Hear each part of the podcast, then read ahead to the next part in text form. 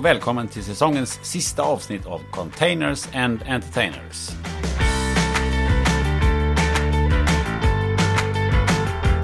Som vanligt har vi med oss Linus Alm och Peter Mike från Nordicon och jag som leder det här samtalet heter Gunnar Österreich.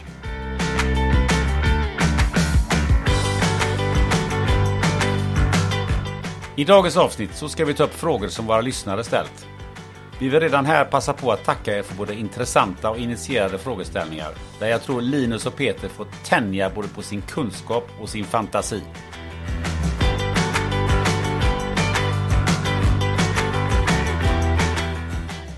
En av de mer intressanta frågorna tycker jag vi har fått det är ju eh, om uppfinningar. Eh, det är tydligen någon som initierar här som säger att ni, eh, ni har sysslat med lite uppfinningar medan ni hållit på med containersamlastning. Det, det, är nog, det är nog Linus. Jag ja, inte... men jag tror Linus hade, någon, hade någonting alltså jag, jag undrar som vem som har ställt den här frågan. Eh, för jag har inte sett vem som har ställt den. Men vem är det som känner till att jag försökte bli uppfinnare när jag var typ 15, 16, 17 år?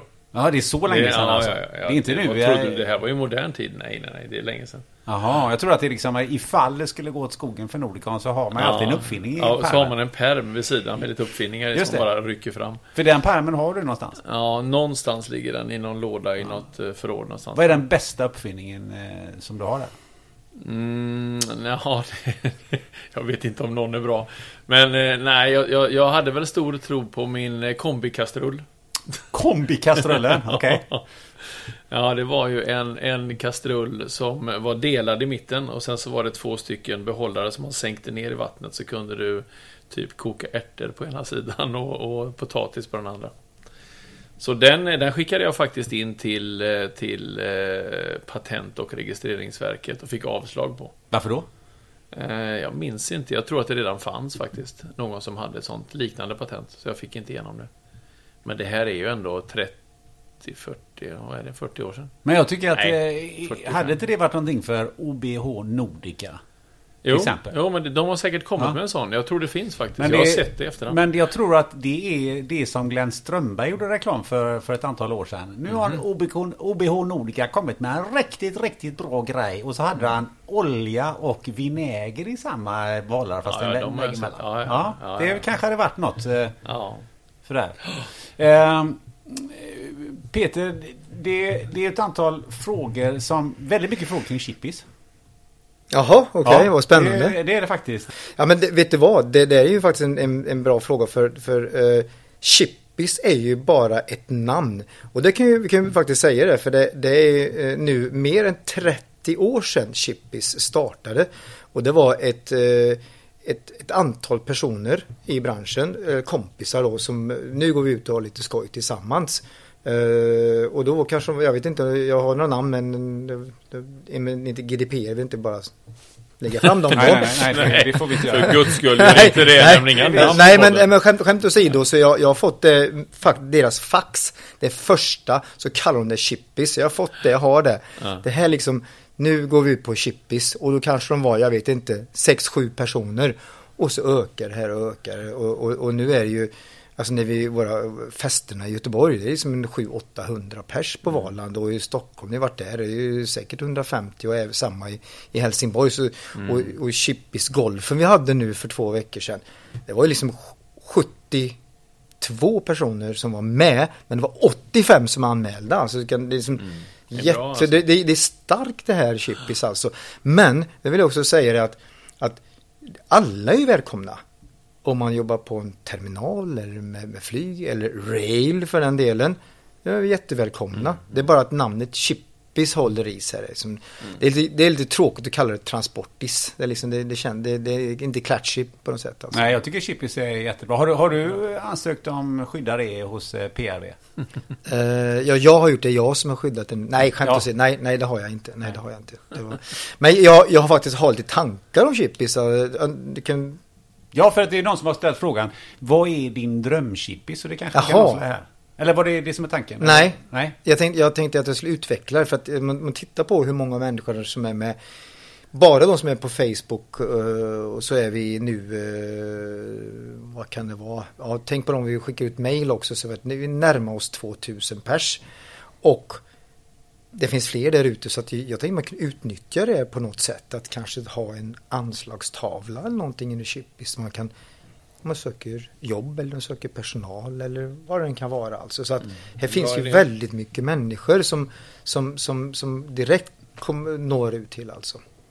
Det, det, låter ju väldigt bra. Det kanske är lite som ett sån här eh, rekryterings... Lite så ja, fast inte, inte rekrytering utan Nej. att man bara hänger upp grejerna här på anslagstavla. Mm. Schysst. Bra idé. Uh, och du frågar om, om uh, drömchippiset. Uh, vi hade den för uh, faktiskt för, kan det vara, fem, sex år sedan. Ja. Ute på, till trädgården. det var en junikväll och det var liksom som det är just idag. Mm. 28-29 grader. 28 grader ja. och, och, vi festade där hela ja, natten. Bra, alltså.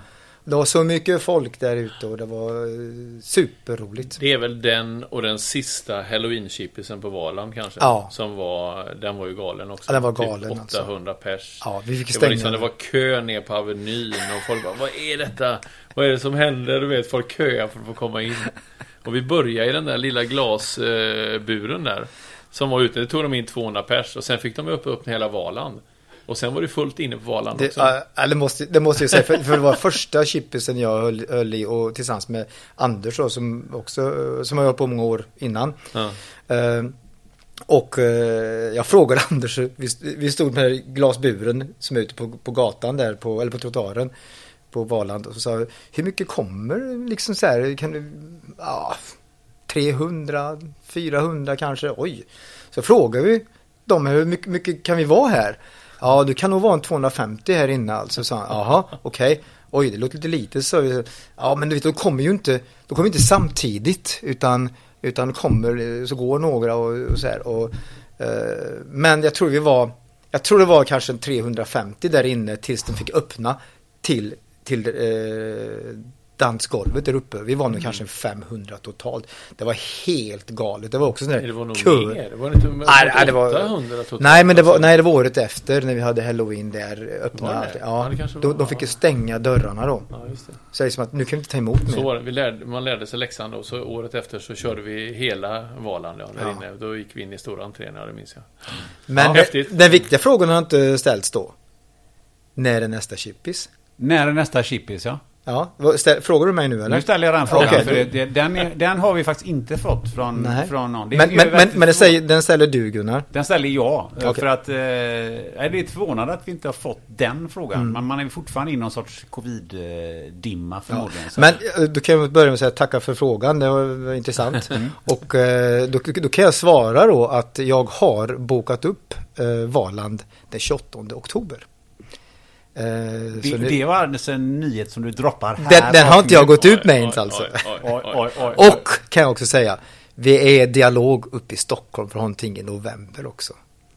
Nu, det här... Nej, bra. Det är ny, nyheter. Det här är... Det, vi, det visste inte många. Kan säga. Det, kan säga, det var bara typ bara jag som visste det. ja.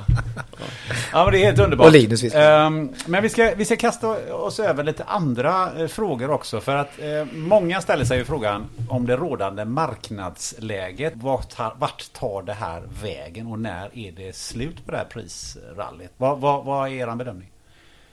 Ja, otroligt svårbedömt nummer ett. Eh, eh, vi kan ju bara förflytta oss tillbaka några månader i tiden så, så trodde vi väl att det här skulle plana ut innan sommaren. Liksom. Att på något sätt att det skulle återgå till ett eh, någon form av normalläge, vad det nu är naturligtvis, men att det skulle gå åt, åt det hållet i alla fall. Eh, och sen eh, efter eh, Suez-incidenten där eh, så på något sätt så kändes det som att det bara tog fart ytterligare. Och det blev inte bättre utan det blev nästan svårare och sämre. Eh, och det blev som ringar på vattnet över hela världen på något sätt. Eh, frakterna fortsatte ju bara upp efter det. Och eh, jag vill minnas att när vi pratade om det här i podden i, vad kan det vara, mars kanske eller något? Eller? Ja, det var något sånt där, mars ja. 2021. Eh, eh, då pratade vi om eh, att, att man fick betala 10 000 dollar för en 40-fotare hemgående från Kina på den öppna marknaden då. PP-frakter, prepaid-frakter. Och, och nu så, så är ju situationen än mer förvärrad. Rederierna skruvar och skruvar på sina space-allokeringar. Och Eh, Eh, okej, okay, även om vi har kontrakterade frakter i botten så, så minskar man på space-allokeringarna och frakterna på, på prepaid-marknaden i Kina fortsätter att öka.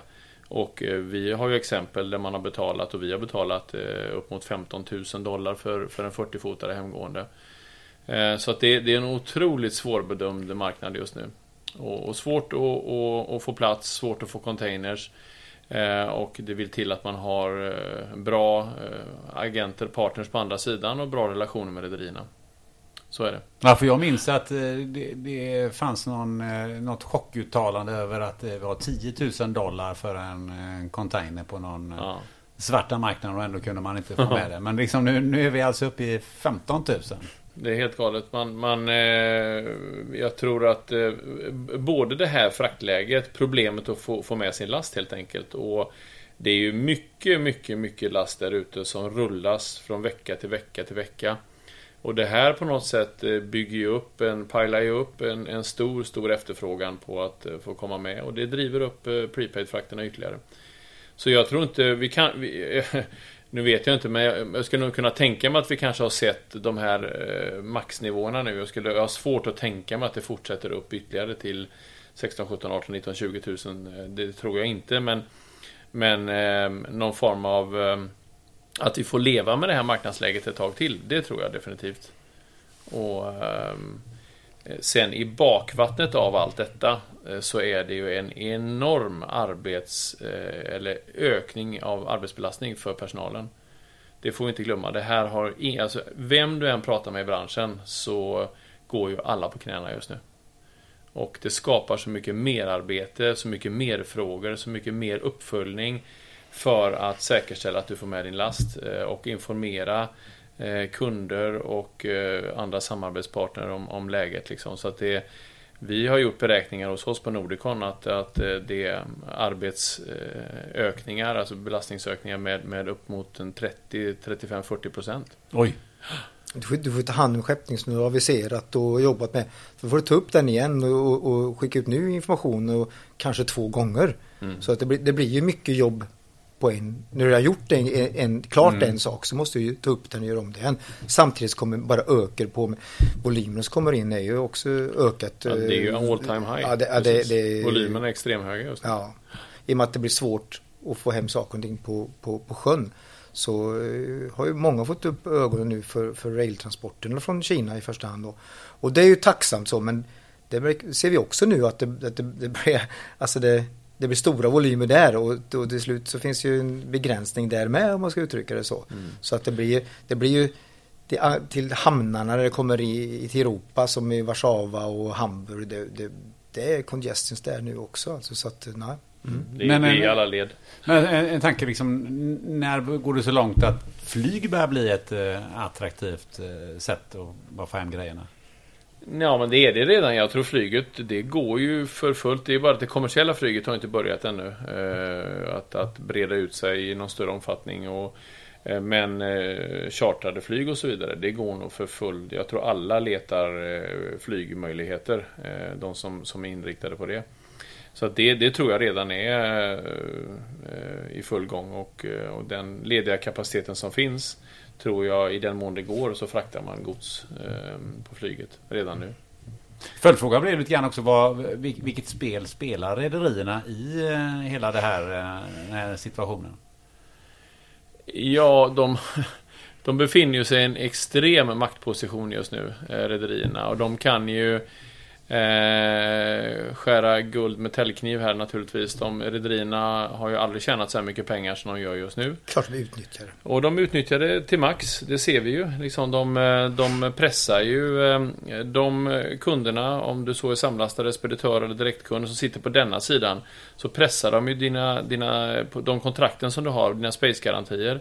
Och försöker ju pressa ner dem och säger att det finns ingen space, ingen space. Eh, men eh, om, du, om du får en lägre space och har höga volymer och ändå måste få ut din last så måste du köpa containers på prepaid i Kina och då kanske det skiljer x antal tusen dollar på en container. Och det är klart att det är bra för rederierna. Så att de är ju lite taktiska och fula i detta i det här, den här situationen också kan jag tycka. När är vi tillbaka i någon sorts normalläge? Vad tror ni? Ja, ja, jag, jag, jag tror att eh, rederierna har Alltså det här, det här är, ingen, det är ingen ny normalsituation nu. Eh, men eh, de har ju inte något bråttom att komma ner till den, den normala, om man säger så, som det var för innan covid då. Mm.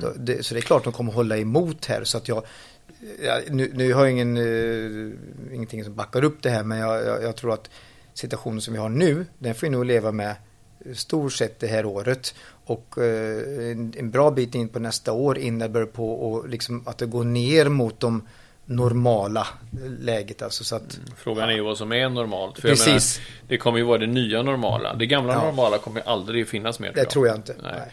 Utan eh, om, om eh, det, det, tidigare normala innan covid var, om man nu pratar frakter då, eh, så är det klart att om det nya normala, om det, om det normala då var 1500-2000 kanske du betalar för en 40-fotare säger vi då, så, så kom, jag tror ju att vi kommer nog inte gå under 5000. Alltså jag tror att det kommer nog vara det dubbla. Det nya normala, vad det nu landar på. Men eh, rederierna kommer att se till att frakterna bibehålls höga. Sen tror jag inte man kan leva med de här höga frakterna som man har nu. Det tror jag inte. Det, det, på sikt så kommer det ju in fler containers, nytt tonnage på marknaden och så vidare. och, och eh, det är väl det bara, man ser, man, man, ser inte något stort nytt tonnage som kommer in på marknaden under 2021. 2022 och 2023 kommer in lite mera, men Ja, jag tror som Peter, jag tror inte vi kommer ha någon större nedgång på frakterna. Kanske lite granna eh, under slutet på detta året. Men i princip får vi leva med det här läget detta året ute tror jag och kanske en bit in på nästa också. Mm. Så det kommer gå långsamt tillbaka tror jag. Nej, men nu har vi en, en fråga som lyder så här. Vårt kontor i Norge har fått eh, fraktpriser LCL på styckegods av Maersk. Ehm, och då undrar hen att hur påverkar det samlastarna? Är det en ny aktör eller vadå? Eh, ja, det var en bra fråga. Eh, jo, vi vet ju att Maersk har lanserat en, en LCL-produkt. Det har vi gjort. Eller det vet vi att de gör. Eh, sen i vilken utsträckning de ska ses som en, en, ett hot eller en konkurrens mot oss neutrala samlastare. Det är jag tveksam till. Maersk vänder ju sig i huvudsak till direktkunder. Eh, så att på något sätt så tror jag mer att de ska upplevas som en konkurrent till, till samlastarna själva faktiskt. Det tror Nej, jag. Menar du? Ja, förlåt mig. Speditörerna. Ja, speditörerna själva. Eh, det tror jag. Jag tror inte vi kommer att uppleva dem som något direkt hot. Eh, och är det speditörskunder som funderar på att använda Märsk Samlastservice så visst, det kan de göra med eh, om man kan acceptera att de inte är neutrala då såklart så kan man ju använda det. Vad tror du Peter? Om man, man ser vad som har hänt nu ska ju inte eh, dissa Maersk på något sätt men de var väldigt ty tydliga med att de ska eh, gå ännu hårdare in på direktkundsegmentet och vilket har gjort att eh, ett antal större internationella speditörer har valt att hoppa av eh, och jobbar alltså inte med Maersk rederier, rederier överhuvudtaget globalt sett. Så, så, så det, det ser man ett svar på att, att speditörerna själva ser dem som ett stort hot. Och, och är inte bara hot utan jobb, om speditör bokar med Maersk så är ju risken att de går på deras kunder då. Eh, det är, det är, det är så jag tolkar det. Och, och så att det, det, det, det, skriver bara under vad Linus just sa då. Mm. Sen är det klart att, att eh, ett rederi eh, i den här marknadssituationen som vi har nu där man har kontroll över såväl space, tonnage, containers och så vidare Eh, ger ju eh, ett sådant, eller rederiet en viss eh, styrka, en fördel kan man säga. Ehm, sen är väl kanske lite frågan om hur man använder den, den fördelen och hur man, hur man spelar de korten. Men ehm, ehm, jag vet inte. Jag, som neutral samlastare så nej, jag upplever inte det som något, något större hot emot oss direkt. För jag tror inte att speditörerna kommer att använda den, den servicen. Eh, indirekt blir det ju så. Ja, indirekt. I steg två kan det bli så. Men, men jag tror att det är först och främst speditörerna som måste se, se sig om bakom ryggen. Eh, vad som händer i sådana fall och, och behöver uppleva dem som ett hot. Någonting som ju är, är intressant naturligtvis för speditörerna. Det är ju utvecklingen inom IT och AI. Och eh, då har vi bland annat nu också fått in en fråga som säger så här. Vårt företag står inför ett val inom IT och då pratar vi om IT-kommunikation här då. Eh, och jag har hört att på Nordicon har ni både API och Unifound. Um, kan du reda ut lite grann kring de här begreppen? För man ställer liksom frågan, vad är det vi ska välja? Unifound som är ju en, en egen eh, TMS, alltså de har ett eget datasystem som riktar sig mot eh, direktindustrin. Så de har väldigt många eh, kunder i Norden. De är ju den, den största TMS-aktören i Norden. Eh, de är aktiva i alla nordiska länderna. Eh, mot, mot industrin då. Eh, sen har de speditörer som carriers för inrikestransporter. Eller, alltså, eller biltransport kan man ju säga. Så, så att, så att det, det blir som en EDI-hubb, om man kan säga så. Så att de direktkunderna som är uppkopplade till Unifound och de speditörerna eller åkerierna som är uppkopplade till Unifound innebär att, att direktkunderna kan från sitt system boka sin transport utan att göra något mer arbete. Du behöver inte gå in i ett nytt system eller skicka ett mail eller någonting utan du skickar från din skärm helt enkelt, där du, där du sitter i ditt system. Det är effektivisering alltså. Och du får bokningsbekräftelsen tillbaka, du får sådana här milestones eller statusrapporter nu vi hämtat och fraktsedlar och sådana saker. Så, så där är ju Unifound kan man säga. Nordicom, vad vi har gjort där, vi har gått in med, och, tillsammans med Unifound att byggt upp en sjömodul som inte fanns förut. Så att tänk då att den industrin som exporterar eller importerar kan då boka sjö med, till sin speditör som sen behöver alltså inte göra någonting. De bara väljer, vänder den informationen, går på sin system och bokar det med Nordicon. Så poppar det upp i vår, vårt system och så bekräftar vi och så går det tillbaka hela vägen till kunden. En API är ju en annan sak. Det, det är ju det är ungefär som att Nordicon, vi har våran portal och där har vi våra alla avtal, alla lokala kostnader. Vi har våra inrikestransporter, vi har våra statusrapporter, vi har sidningslistor, vi har statistik etc. etc. All den informationen finns i vårt system. En API är egentligen en, en, att den dö, öppnar dörren till en kunds information i allt det här. Så eh, tänk att en, en, en kund, nu ska vi börja med, vi vill ha statusrapporter in i vårt system. Då kan de gå in i vårt API och så kan de välja den här informationen att nu har godset blivit upphämtat eller nu är det gått ut från Göteborg eller någonting. kan de lägga i sitt, i sitt egna statussystem så boink så får de statusar. Det är effektivt att arbeta med. Eller man kanske vill ha en seglingslista på sin hemsida. Ja, då går man in med Nordicons API och så väljer man seglingslistan. Och det är inte bara Nordicon utan om en, en, en speditör då väljer att arbeta med API så kan man också jobba med andra leverantörer som API. Som rederier och åkerier eller vad Och man väljer att ta det man vill ha. Det är fina med API. Mm. Så länge vi accepterar att släppa informationen då. Så vi sitter på nyckeln. Kunden frågar, jag vill hämta seglingslistinformationen och vi måste ju acceptera och låsa upp den så att säga. Och då får de hämta ut den ur systemet. Så att eh, ja, det är det, det ligger en stor framtid i detta. Det har ju funnits länge ja. API, men, mm. men eh, att vi har byggt vårt eget nu under ja, 2020 byggde vi väl det. Eh, och, och ger olika aktörer och framförallt kunder och möjligheten att koppla upp sig och även mot agenter. Att ja, vi hämtar informationer mm. från vårt agentnätverk via deras API och hämtar in det i vårt system.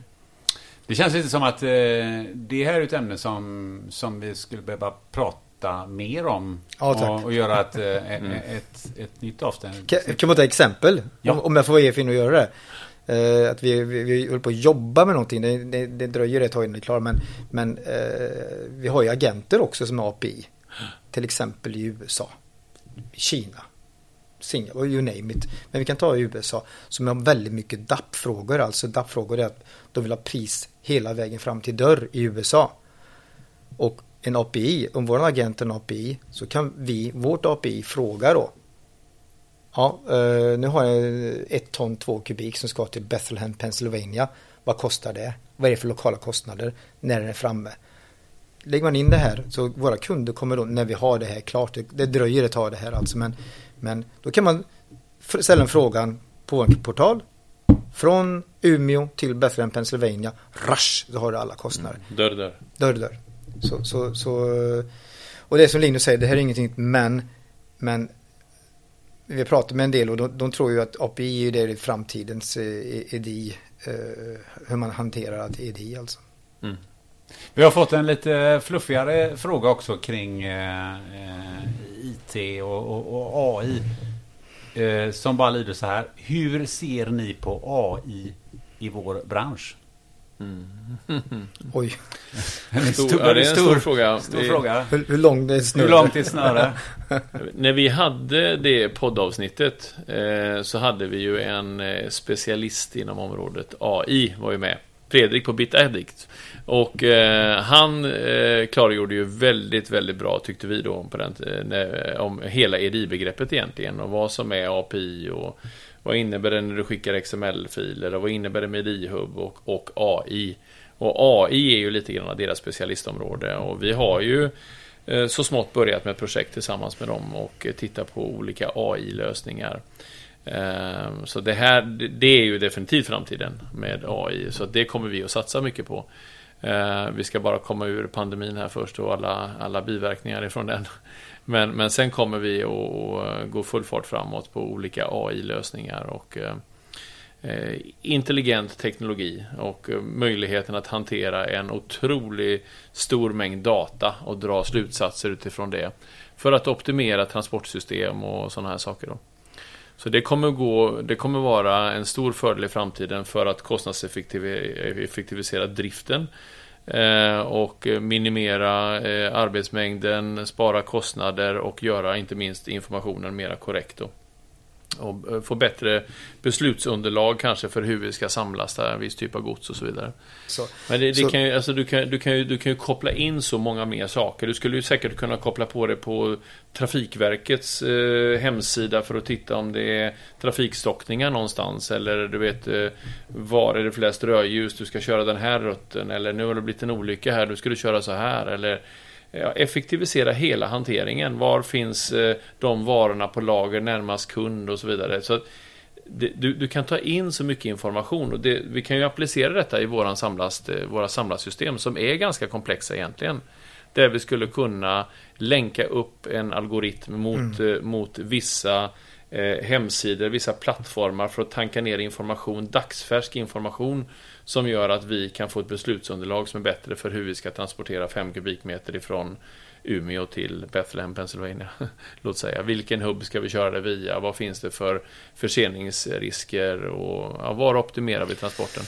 Men så, det här är spännande. Det, det, ja, det är jättespännande men också svårt att, att svara på en sån mm. sak. För det, det, är så brett. Och, och men, det, men det finns eh, säkerligen inom alla transportbranscher eh, falsk, flaskhalsar som skulle kunna knytas upp med AI. Precis. Om ni hör lite eh, bankande i bakgrunden så är det Peter som blir väldigt entusiastisk om man pratar IT eller chippis. Eller rödvin. Då blir eller rödvin är också, ja precis, där, där är också så här att... Eh, annars hör man ett lite snarkande där. Nej, det brukar vi försöka filtrera bort. Men eh, eh, däremot så, så finns det faktiskt en, en eh, riktad fråga till dig Peter. Jag tror att det är till dig Peter. Eh, där man undrar när kommer eh, jultomten och eh, julkalendern eh, tillbaka? Eh, kan det komma in någon form av AI som kommer och besöker kunden eller, eller hur, hur ser du på det Peter? Uh, oj, den, den, var oförberedd verkligen, tomten. Uh, vet du vad? Tomten var faktiskt uh, på film i december. Skickade, skickade, skickade vi ut på vår på våra eh, nyhetsbrev gjorde faktiskt att tomten Ja, det gjorde den alltså. Det var en... Ja. Jag tror men... lyssnarna undrar när tomten på riktigt kommer tillbaka. Ja. Jaha. Och det ser du fram emot Peter. Ja. ja. Ja, jag, jag, säger så här, om, om du frågar mig så Nordicon-tomten har tomtat eh, färdigt, känner jag. har Nordicon-tomten tomtat färdigt? Ja, och går runt i hela Sverige och tomta. Det, det, ja. Vi håller på att träna lite nissar nu som kanske blir tomten ja. 2.0, men Vi får se. Tomtefar är för, för gammal. Tomtefar är för gammal. Ja, okej. Eh, då eh, vet lyssnarna om det nu att Tomtefar är för gammal. Så det blir någon sorts virtuell eh, sak. Eller, Antagligen. Niss, eller någon sorts förslavade små nissar som Ja, då kastas ut då Ja, i, ja. i någon sorts verklighet där då. Men de måste tränas i många, många år för att leva upp till förväntningarna på tomterna. Så det, det kan jag säga. Ja, just det. Någonting annat som lyssnarna undrar på över eh, om ni har levt upp till förväntningarna. Det är ju terminaler. I första avsnittet så, så pratade vi om eh, nya Nordicon-terminalen. Och då gjorde ni film och ni körde truck och det var liksom elskotrar. Det enda man... Eh, Som kunde- inte funkar. Som inte funkar sådär. Det enda man kunde se det var bara en tom yta. Har det hänt något sedan dess? Är det, är det fortfarande Nej, lika tomt? Den är, ja, den är fortfarande tom. Den är fortfarande ja, tom. ja, vi vet inte vad vi ska göra. Nej, men vi kör lite mer Så truck kanske. lyssnare, vänligen boka lite terminallast med oss. Alltså. Nej men gör inte det för då, då annars kan ni inte göra en ny film på det här med truckkörning. Kanske lägga upp trucken på kanten eller något sånt där. Ja, nej, Nej. Det, det, det har ju eh, gått över all förväntan faktiskt. Eh, Den, den nya terminalen på Förrådsgatan eh, skulle jag säga är proppfull. Eh, 11 000 kvadratmeter eh, och vi har lämnat den gamla terminalen nu. Eh, och vi har faktiskt också signat upp en ny terminal. Eh, en exportterminal ute i Säve. Vi kan ju säga att, att den Förrådsgatan den fylldes väldigt upp, fullt upp med importgods i första hand. Så när vi ska flytta över exportgodset så är det fullt. Mm. Vilket ställer krav på att vi måste då ha en exportterminal. Ja. Sen är ju kanske inte Förrådsgatan är ju en terminal som det är ju mer av ett höglager. Eh, och det är lastportar, eh, ett antal. ehm, och den lämpar sig väldigt, väldigt bra för importhantering och Stämmer. lagring, pick and pack och liknande. Eh, Våra typiska exportgods, det ska ju hanteras egentligen under några, något enklare former, gärna på mark. Eh, det ska vara säkert, det ska vara vind och vattentätt, det ska vara stora ytor. Eh, så att eh, av den anledningen så var det ganska... Den tanken fanns väl med hela tiden, men det var ju under förutsättning att vi fyllde upp Förrådsgatan. Och som Peter säger, importen har ju ökat lavinartat under den här perioden, så, så där har ju, har ju hela importhanteringen vuxit. Och sen har vi ju tagit in en massa kunder också på lagerhållning och pick and pack då. Så att eh, eh, det var väldigt smidigt när vi, när vi fick den här möjligheten då. Eh, och det är ju en, en eh, yta på 8000 kvadratmeter ute i Säve. Säve depå. Eh, och eh, det är eh, under tak 4000 kvadratmeter. Allting på mark. Eh, och där kan vi hantera all exportlastning och en del, vi kan hantera traileromlastningar, vi kan hantera en del eh, FCL-stuffar, eh, vi kan hantera ja, projektlaster och, och liknande. Lite mer tyngre gods kan man säga där ute. Det är väldigt ändamålsenligt för det. Så att, och den, den är ju igång faktiskt från och med denna veckan. Så Pratar att, så eh, vecka 23 eller vad är vi inne nu? 24 kanske? Ja, 24 är det. 24. Ja, 24, 24, precis. ja. Så att, eh, ja, så det, det går så det ryker på terminalen får man väl ändå säga. Ja, det är en fantastisk utveckling. Var det någonting ni eh, tänkte att så kommer det nog att bli? Nej.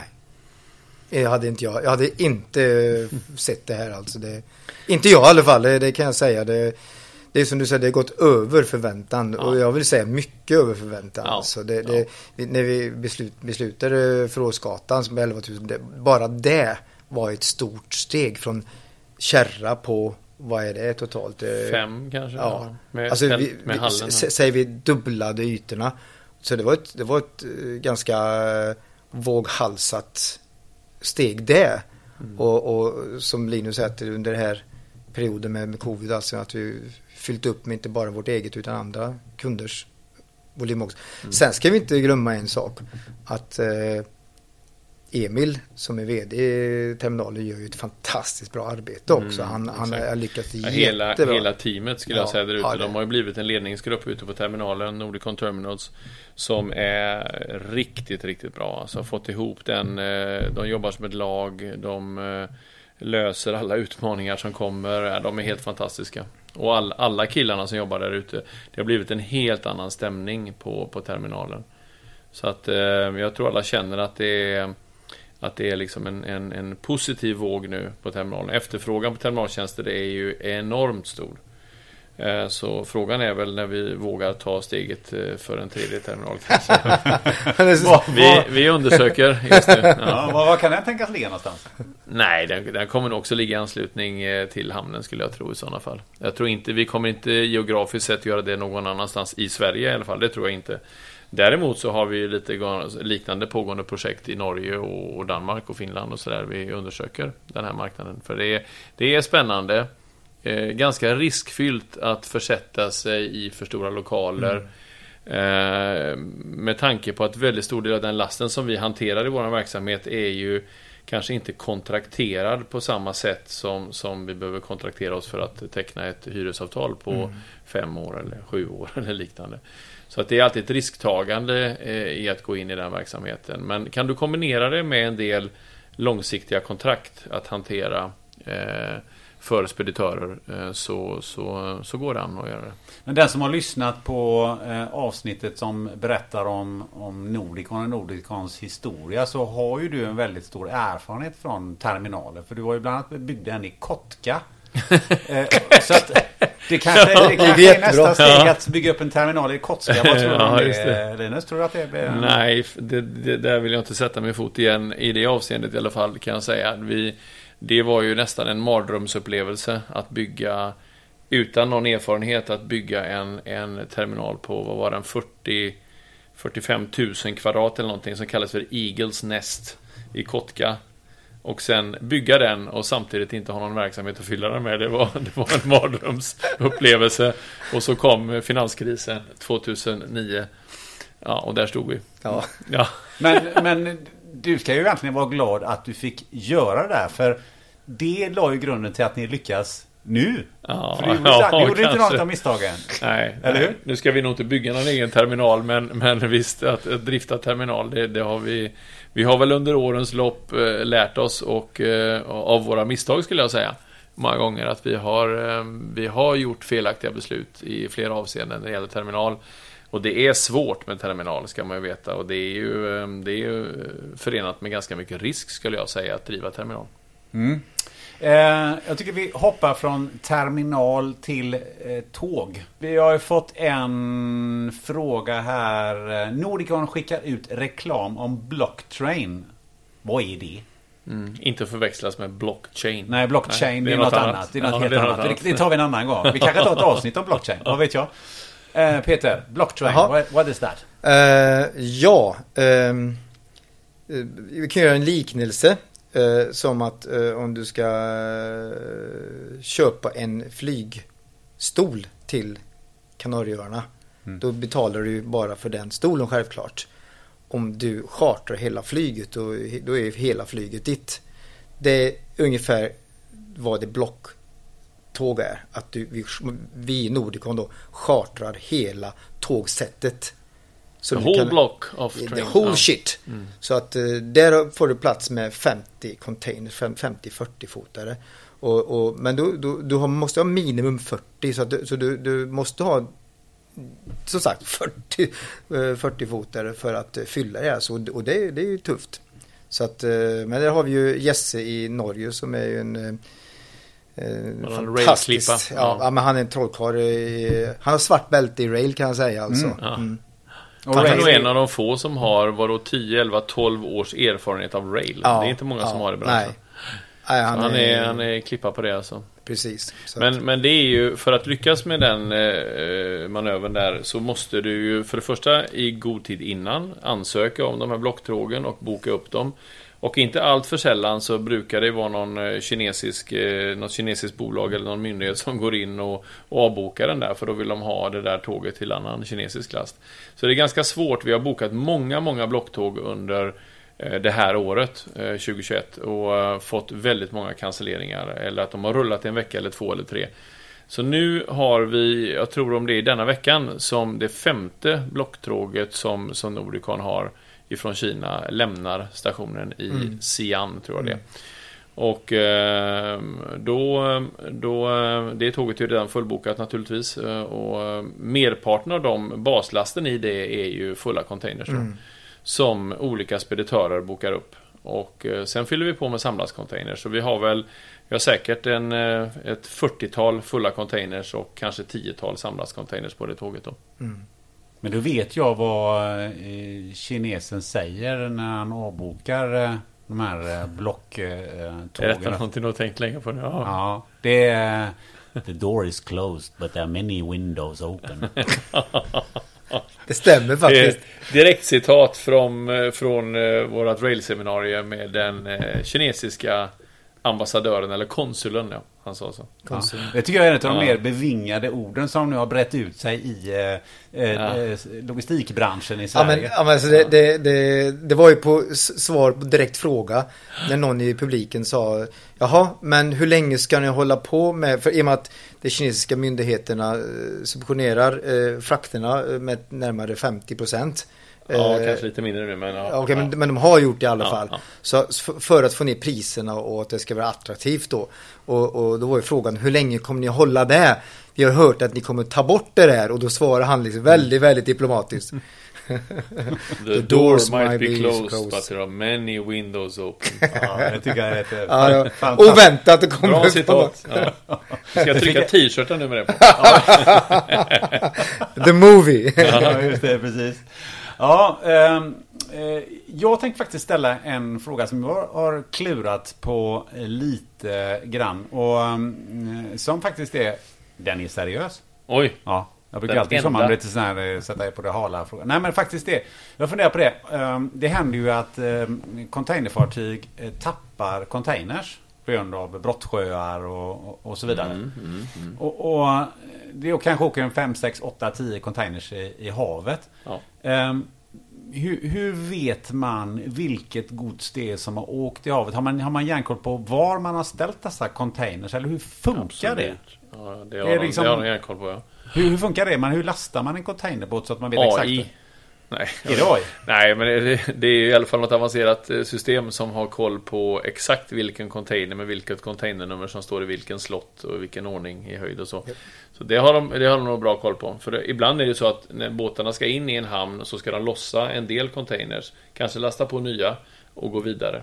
Så det är klart de har stenkoll på vilka containers som står exakt i vilken slott. Det, det, det är till och med så att du kan tänka dig att du ska åka in till en hamn som Linus säger, så då, då, då ligger den här containern. Du kan, du, om en container, har- rederi, ursäkta, ett fartyg har 20 000 containers, kan inte bara köra in, okej vart är den containern? Vi tar därifrån.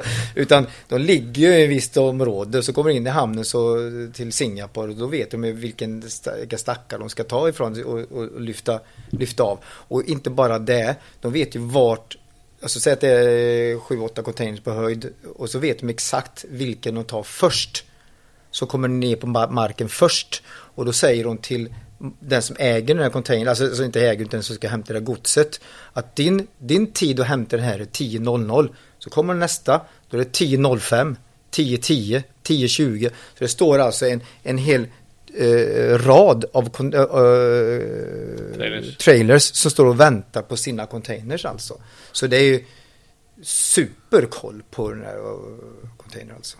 Ja, jag tycker det är oerhört fascinerande att, eh, Mm. som du säger, att man liksom, vilken järnkoll man har. Ja, ja, det Ja, måste för det, det händer ju att, att containers trillar över bord som du säger. Har det hänt Det- er? Eh? Ja, det har det nog hänt Ja. någon gång eh, faktiskt. Eh, men det har väl varit... Ja, vi har väl till och med varit med om att hela oceanbåtar har förlist och, och, och, och, sto, eller, och stora delar av lasten har fallit över bord och så vidare. Ja. Det, Jag, jag satt och kollade på Aktuellt en gång för många år sedan. Just det, ja. Och det var en, en, en, det var en storm eh, Östersjön, eller inte, ja, vart den var, det vet jag inte, men det var ute, utanför, utanför England någonstans. Och då, Ja. och då, och då var det, filmade de då, liksom stod ute på en, i en strand. Och sen så, ja, här ser vi last som kommer in här från den förlista, bla bla bla. Och så, så, så ser jag en, en, en lodda, så det stod Nordicon på och så stod det Kungsholms, alltså det var flyttsaker liksom. What the fuck, det är våra last! Den låg på stranden där och guppade liksom i en, en liftvan eller något, en ja, kartong. jo, så är det. Eller en trälåda var det. Ja. Ja, eh, ja, spännande. Ehm, andra funderingar som nog det blir lite högt och lågt här. Ehm, Hur fungerar inrikestransporter i USA? Är någon som undrar. Det är ju så dyrt. Oj, ja, det var också en väldigt bred fråga får man ju säga. Mm. Uh, oh. uh, Kort ja, svar på den? Nej, ja, jag vet inte. Ja, eller svar ja, det är dyrt.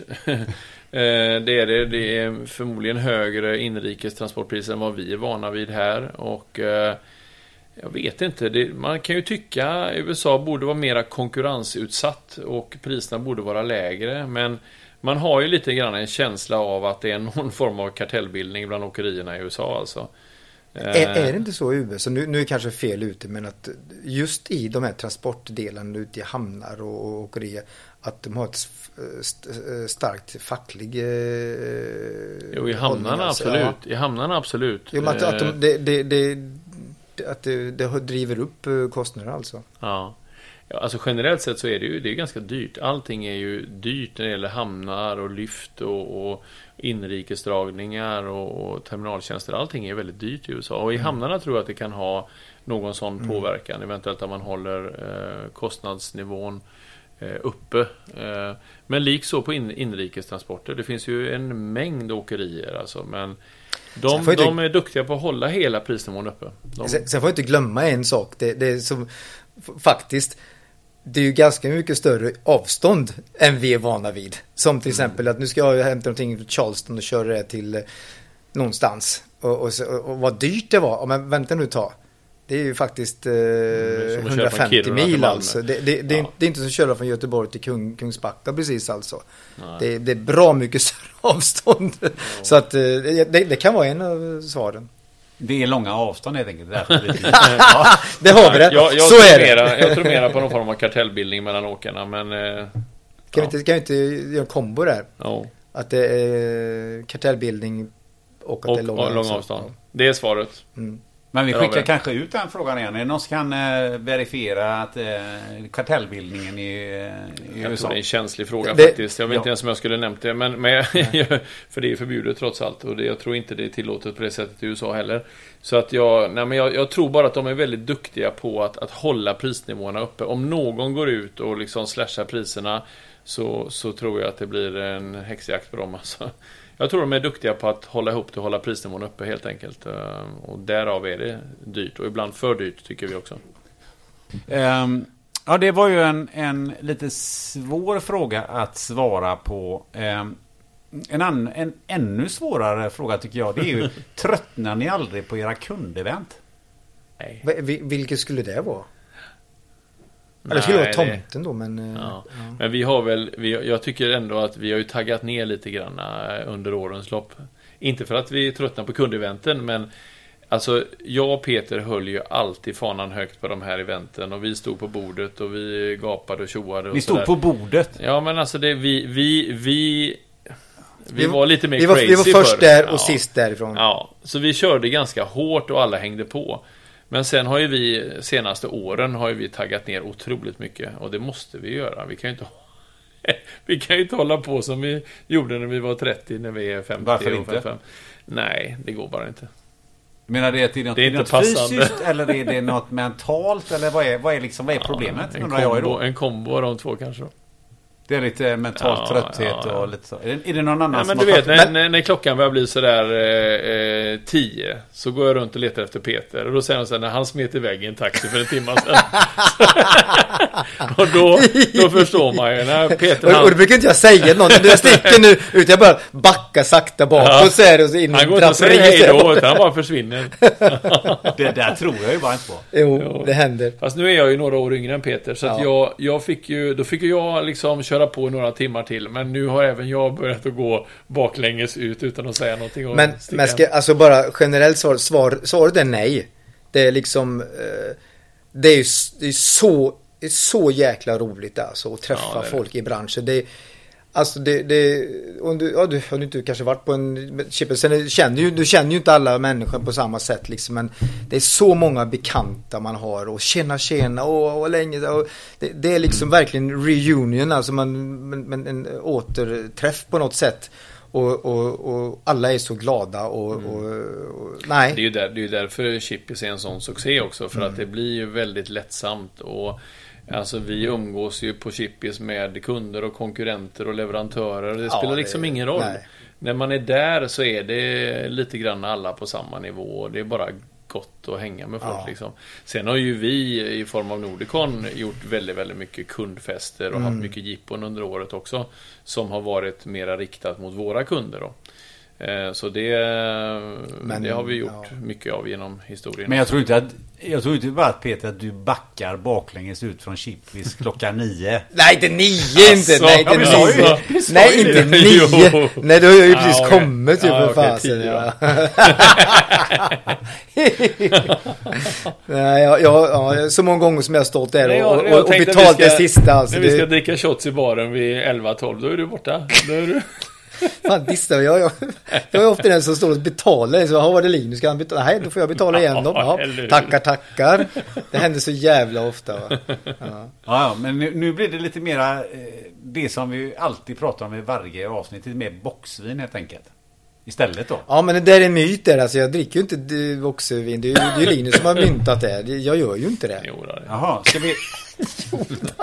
Ja, det där... Det där eh, ja. Men, alltså jag slutade att dricka boxervin för säg tio år sedan. eh, Av en händelse av någon som sa vad, vad det Ja. finns i det. Vad var det för händelse då? Nej det var min, eh, min systerson som är sån sommelier. Och, och, då, och då hade vi en box och sa han så vet du vad det är för vin du dricker här nu? Sa han. Bla bla bla bla bla. bla. Och då var min fru då självklart. Kommer aldrig mer dricka det då. Så att eh, så är det. Men det ska vi också säga att, att för mig är rött är gött. Liksom, du, behöver inte, du behöver inte ha någon specialvin utan ett glas rött. Tackar tackar. Då kommer vi in på det här. Mat är mat liksom. Va? Det spelar ingen roll. Mat är mat. Vin Ja, är vin. ja, ja. Det är så? Finns, ja, finns inga nyanser överhuvudtaget. Ja, vi- men vadå? Ja, Nej, men det- vadå? det är vi, vi, vi All- kan alla- inte vara lika på allting. Nej, men alla, vi ja, är men väldigt vadå? olika där. Jag ja. säger inte att de är olika. Jag säger att det, det är, rött är gött. Det kan väl vara goda på olika sätt ju. Ja, okej. Men det, är, det spelar ingen roll om det är en oxfilé eller en denniskorv, bara det är rödvin till. Mat är mat. Rött är rött. Ja, okej. Nästa fråga. Vi pratade om vinval sist. Nu har vi ju sommaren framför oss här. Eh, Peter, kan du inte komma med några tips? På vin? Ja, Nej. det är helt omöjligt. Eh, ja, alltså jag, nej men jag, det, jag, jag kör på två, två stycken gör jag. Rött och vitt.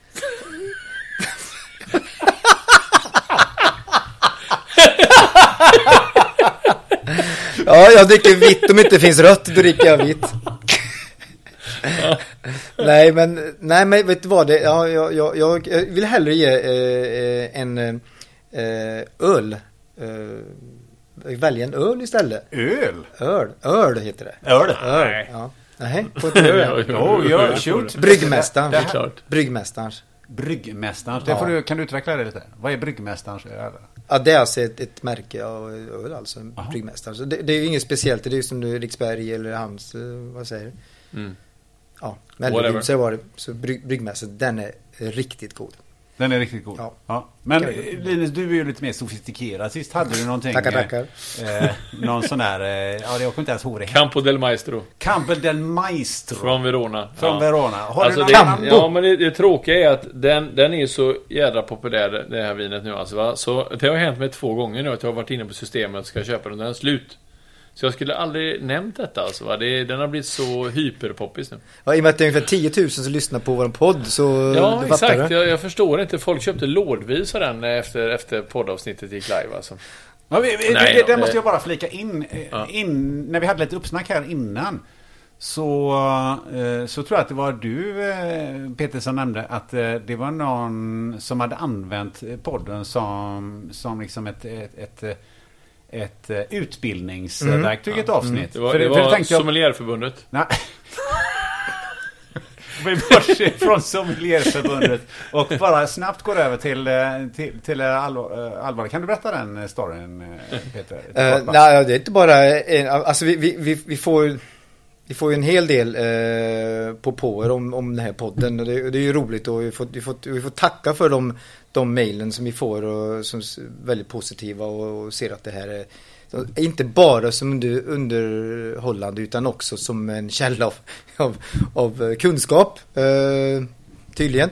Eh, Men, men så jag har varit hos en kund bara för någon månad sedan och, eh, och då, då berättade de att, eh, att det var, handlade just om samlastningspodden. Och då hade de tagit, fått in en del praktikanter då som då kanske inte kunde just om just den detaljen. Så de har suttit och lyssnat på det tillsammans med praktikanter och använder det som undervisning. Och jag vet andra företag i Göteborg som eh, tar, sitter med en hel avdelning och lyssnar på podd efter podd efter podd för undervisning. Och det är ett betyg gott nog. Så att, så att det är jätteroligt. Men, men eh, ja, det har varit väldigt eh, positivt. Hela. Jag har fått samma från eh, flera kunder också. Där de säger att de har gått ut till personalen och eh, jag tror det var, eh, det är vissa avsnitt då som det har varit så. När vi pratade om det här med fraktläget och så vidare. När vi hade Fredrik och Yngve här till exempel som, som från, från One och, och Evergreen. Ehm, Så, så gick de ut till personalen och sa nu vill jag att ni lyssnar på detta för det här ger er en bra uppdatering om, om marknadsläget. Så att jag tror att det, det ger lite mer än eh, bara att vi sitter och, och, och blajar här. Och flamsar, ja. ja. Mm. Nej, det blir lite flamsigt också, det blir lite underhållning ja. Men det är väldigt, väldigt roligt att höra. Eh, verkligen. Ja. Eh, att, eh, att man ser det på det sättet. Och det är ju också en eh, eh, styrka och idéer på att vi ska fortsätta och, och ehm, undervisa och bjuda på kunskap och till, till hela logistikbranschen. Ja. Jag tror framförallt att försöka göra det lite lättsamt. Eh, Det kan ju vara en ganska konservativ bransch i många avseenden, eh, transportbranschen. Men jag tror att både jag och Peter har den inställningen att det, det ska vara kul också. Och att man, man kan eh, liksom se det lite grann med glimten i ögat. Och eh, att det, man, kan, man kan gott kombinera lite bra kunskap med, med asgarv liksom, och lite goda skratt. Mm. Jag. Kul ska vi ha eh, framöver. Jag tänkte bara... Eh, har, har ni någonting sådär i huvudet som säger att men det här ska vi nog ta och prata om i, i höst? Som ni kan, kan ni bara skjuta ut det? Jag vet att den här frågan är inte förberedd. Eh, Nej, Nej alltså, alltså, jag, jag, jag känner att det som ger mest lyssnarvärde är oftast när vi kan eh, prata om sådana saker som är lite högaktuella. Händer det någonting på marknaden, det behöver inte vara inom samlastningen och heller inte inom sjö. Det kan vara generellt sett på marknaden. Så något ämne som är väldigt hett och aktuellt, eh, att vi spinner på det och pratar om det och kanske också bjuder in gäster som är specialiserade på de områdena. Då blir det en, en eh, kanske lite, lite högre diskussion kan man säga. På, Mm, ja, det- Med lite mer kvalitet. Mm. Absolut. Men det är ju någonting som faktiskt vi kan skicka ut härifrån och säga så här. att Har ni där ute, känner ni att det finns ämnen som är högaktuella eller som ni vill höra mer om så, så hör av er till, till Peter eller eh, Linus. Eh, och, och kom med förslag. Ja, ja. För att, eh, och också om ni tycker att det finns gäster som vi borde ha med i den här podden. Så, så kom in med, med förslag kring det. För det, Mm. det kan vi säkert göra någonting med. Ehm, nu ska vi avrunda, det har jag sagt två, tre gånger nu. Men ska vi avrunda på riktigt. Och vi eh, är, när vi spelar in det här så är det ju dags för sommar och semester. Du kanske lyssnar, du kanske lyssnar när det, när det blivit höst. Men eh, whatever. Så, så tänkte jag liksom höra er. Vad är era bästa sommartips? Att göra. Att göra, att äta, att dricka eller whatever. Jag, jag, jag, något som är svårt att slå, i alla fall där vi bor, Ja. det är att ta eh, en, en filt och, och eh, glas rött eller någonting och gå och sätta sig vid havet och bara, bara slappa. Mm. Det, behöver inte, det behöver inte vara så mycket mer. Mycket bra. Jag håller med. Jag håller med. Det, det fasen. Livet kan vara kort, se till att njut. Gör saker och ting som du gillar. Och om det innebär att du bara tar en, en, eh, en öl eller en flaska vitt och en påse räkor och sätter det på en, eh, på en eh, kobbe någonstans. Eller om du går ut och äter gott. Det, det spelar inte så stor roll. Så länge man umgås med, med personer som, som ger en någonting bra och inte tar. Så är det bra, tycker jag. Superbra eh, slutord eh, tycker jag. Eh, så att eh, här avrundar vi. Vi tackar er som har lyssnat och eh, eh, Linus och Peter och jag säger tack och hej för denna gång. Yes. Trevlig sommar. Glad sommar.